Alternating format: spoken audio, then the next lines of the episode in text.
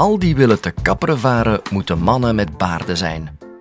Ja, ja, hebben echte mannen baarden? UGent-historica Anne-Laure van Bruane weet hoe de echte mannen eruit zien. Althans, volgens wel bepaalde mode en culturen. Dit is de Universiteit van Vlaanderen.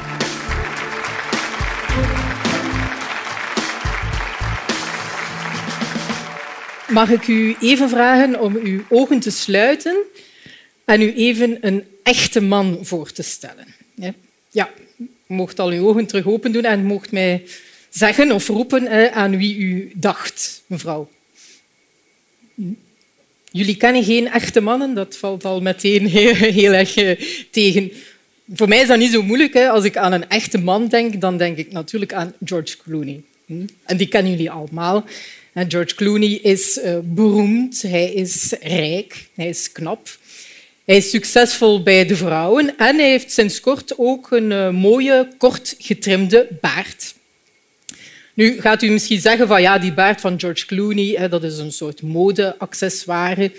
Die man wordt al een dagje ouder en die wil er ook een beetje uitzien als een hipster. Maar volgens mij is er meer aan de hand. Als historica ben ik namelijk geïnteresseerd in de geschiedenis van de baard. Omdat die geschiedenis volgens mij ons veel kan leren over hoe men in het verleden dacht over het lichaam en over wie wel of niet een echte man was. Want er waren periodes in het verleden waarin de meeste mannen een baard hadden en periodes waarin dat niet zo was. In de klassieke oudheid bijvoorbeeld hadden heel wat mannen een baard, maar de middeleeuwen waren relatief baardloos. Maar in de renaissance, dat is de periode van ongeveer de 16e en de 17e eeuw, was de baard opeens helemaal terug van weg geweest. En op alle portretten van die tijd zie je dus wel degelijk mannen met baarden. En neem nu bijvoorbeeld het portret van uh, Hendrik VIII. En Hendrik VIII dat was zo'n beetje de George Clooney van de 16e eeuw. Hij was rijk, eh, machtig, misschien iets minder knap, maar wel beroemd. Hij heeft niet minder eh, dan zes vrouwen versleten en hij had, zoals u kan zien, een kort getrimde baard. Maar waarom was die baard in de Renaissance zo belangrijk? Hm? We moeten misschien eerst beginnen met een andere vraag. En die eerste vraag is: hadden alle mannen in de Renaissance een baard? Als je zou kijken naar portretten, dan zou je dat wel degelijk denken. Ik zal het voorbeeld nemen van De Nachtwacht van Rembrandt, misschien het beroemdste schilderij uit die tijd. En als je dan uh, gaat kijken, het is zo'n beetje waar is Wally, maar dan ga je zien dat alle uh, mannen op die schilderijen een baard hebben, of uh, sommigen ook een gewone snor. Maar natuurlijk, portretten, dat was iets voor de elite, enkel voor de rijken. En ja, gewone mensen zien we daar niet op. En in, de renaissance was er natuurlijk geen fotografie. Dus de vraag is hoe we iets te weten kunnen komen over gewone mannen in de renaissance. Wel, laten we er nog eens een schilderij bij nemen, maar nu van Pieter Breugel de Oude. Breugel schilderde niet de elite, maar het gewone volk. Nu, dit zijn geen portretten. Eh, Breugel schilderde in zijn atelier en het was niet dat hij met zijn schildersezel tot in de dorpen ging om de boeren te gaan portretteren. Maar Breugel was wel iemand met een enorme zin voor detail. Dus we kunnen wel aannemen dat de boeren erbij liepen zoals hij ze schilderde.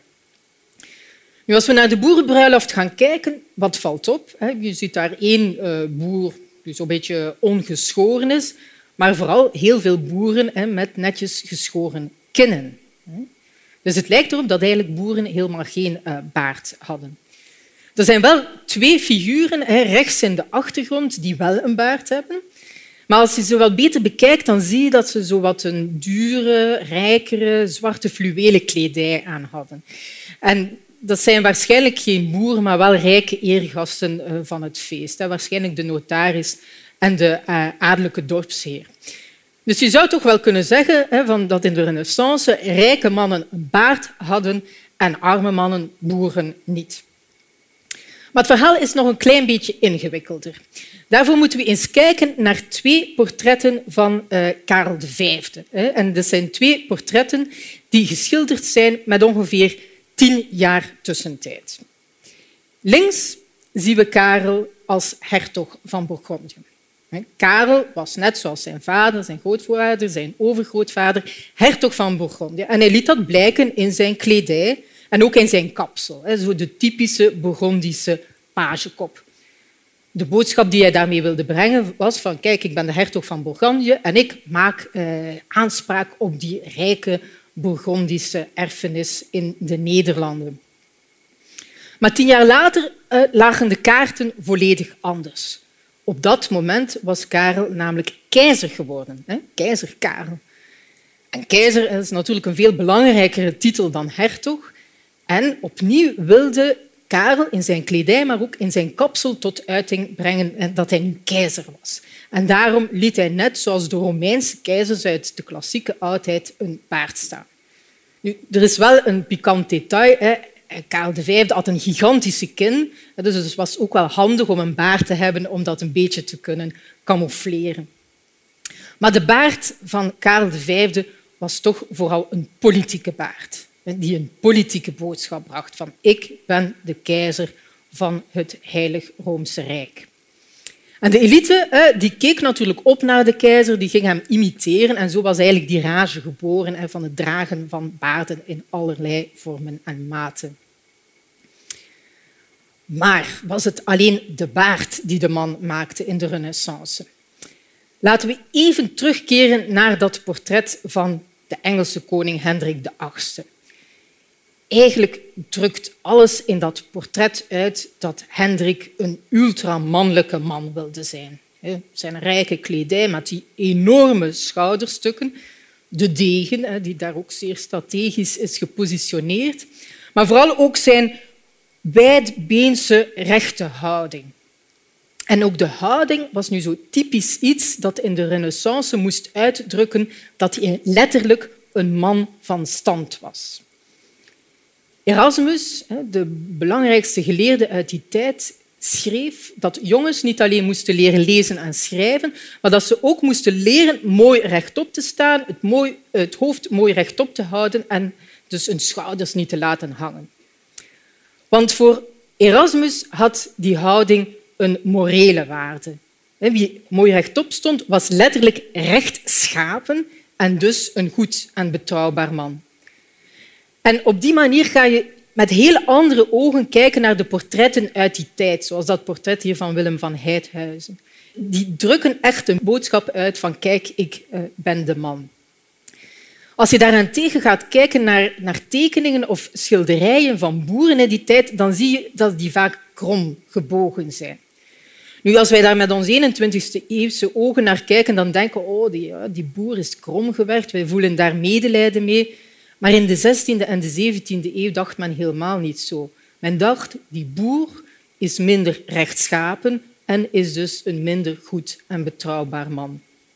Zoals Erasmus schreef, was de houding ook niet aangeboren, maar was dat wel een kwestie van training en veel oefening. Het is een beetje zoals met de filmsterren vandaag.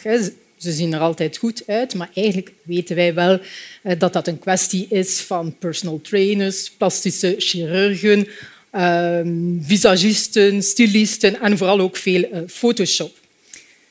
In de Renaissance was het eigenlijk een beetje hetzelfde, maar dan met de middelen van die tijd. In de Renaissance deed men aan sport, niet eh, om gezond te zijn of in goede conditie, maar wel om een rechte houding te kweken.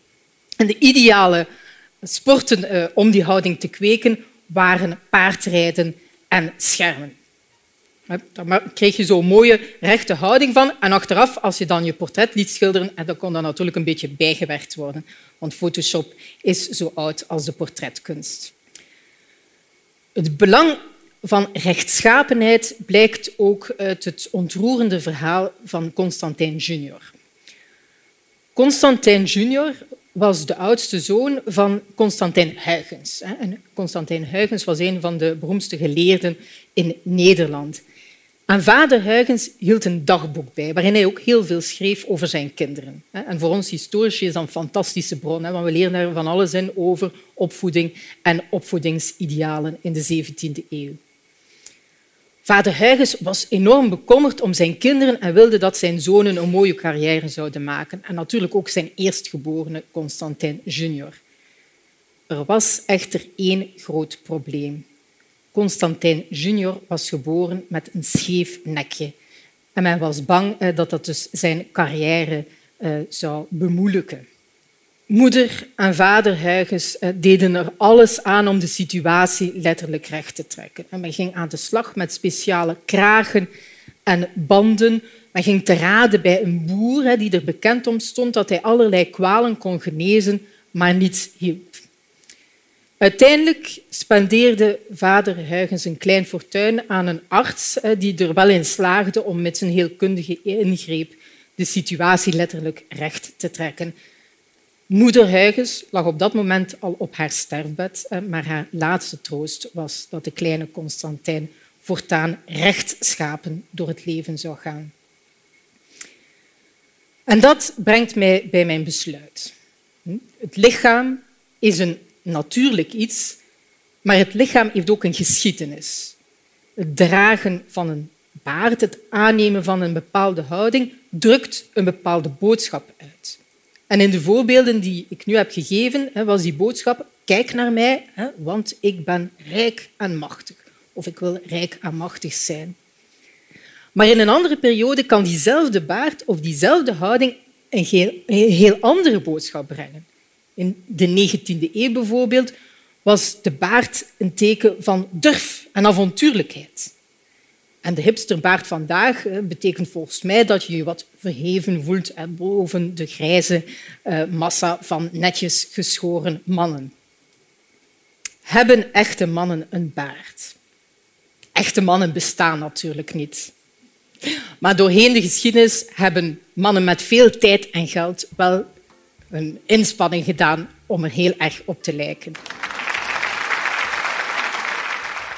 Ga je na dit college dringend aan een baard werken of je man daarvan overtuigen, of net niet? Zin in nog wat meer hipsterstuff? Luister dan ook naar het college over sushi van Japanologe Tine Waldravens of naar dat van Sarah Steenhout over influencers. Wil je sowieso nooit meer een college missen? Abonneer je dan op de Universiteit van Vlaanderen podcast.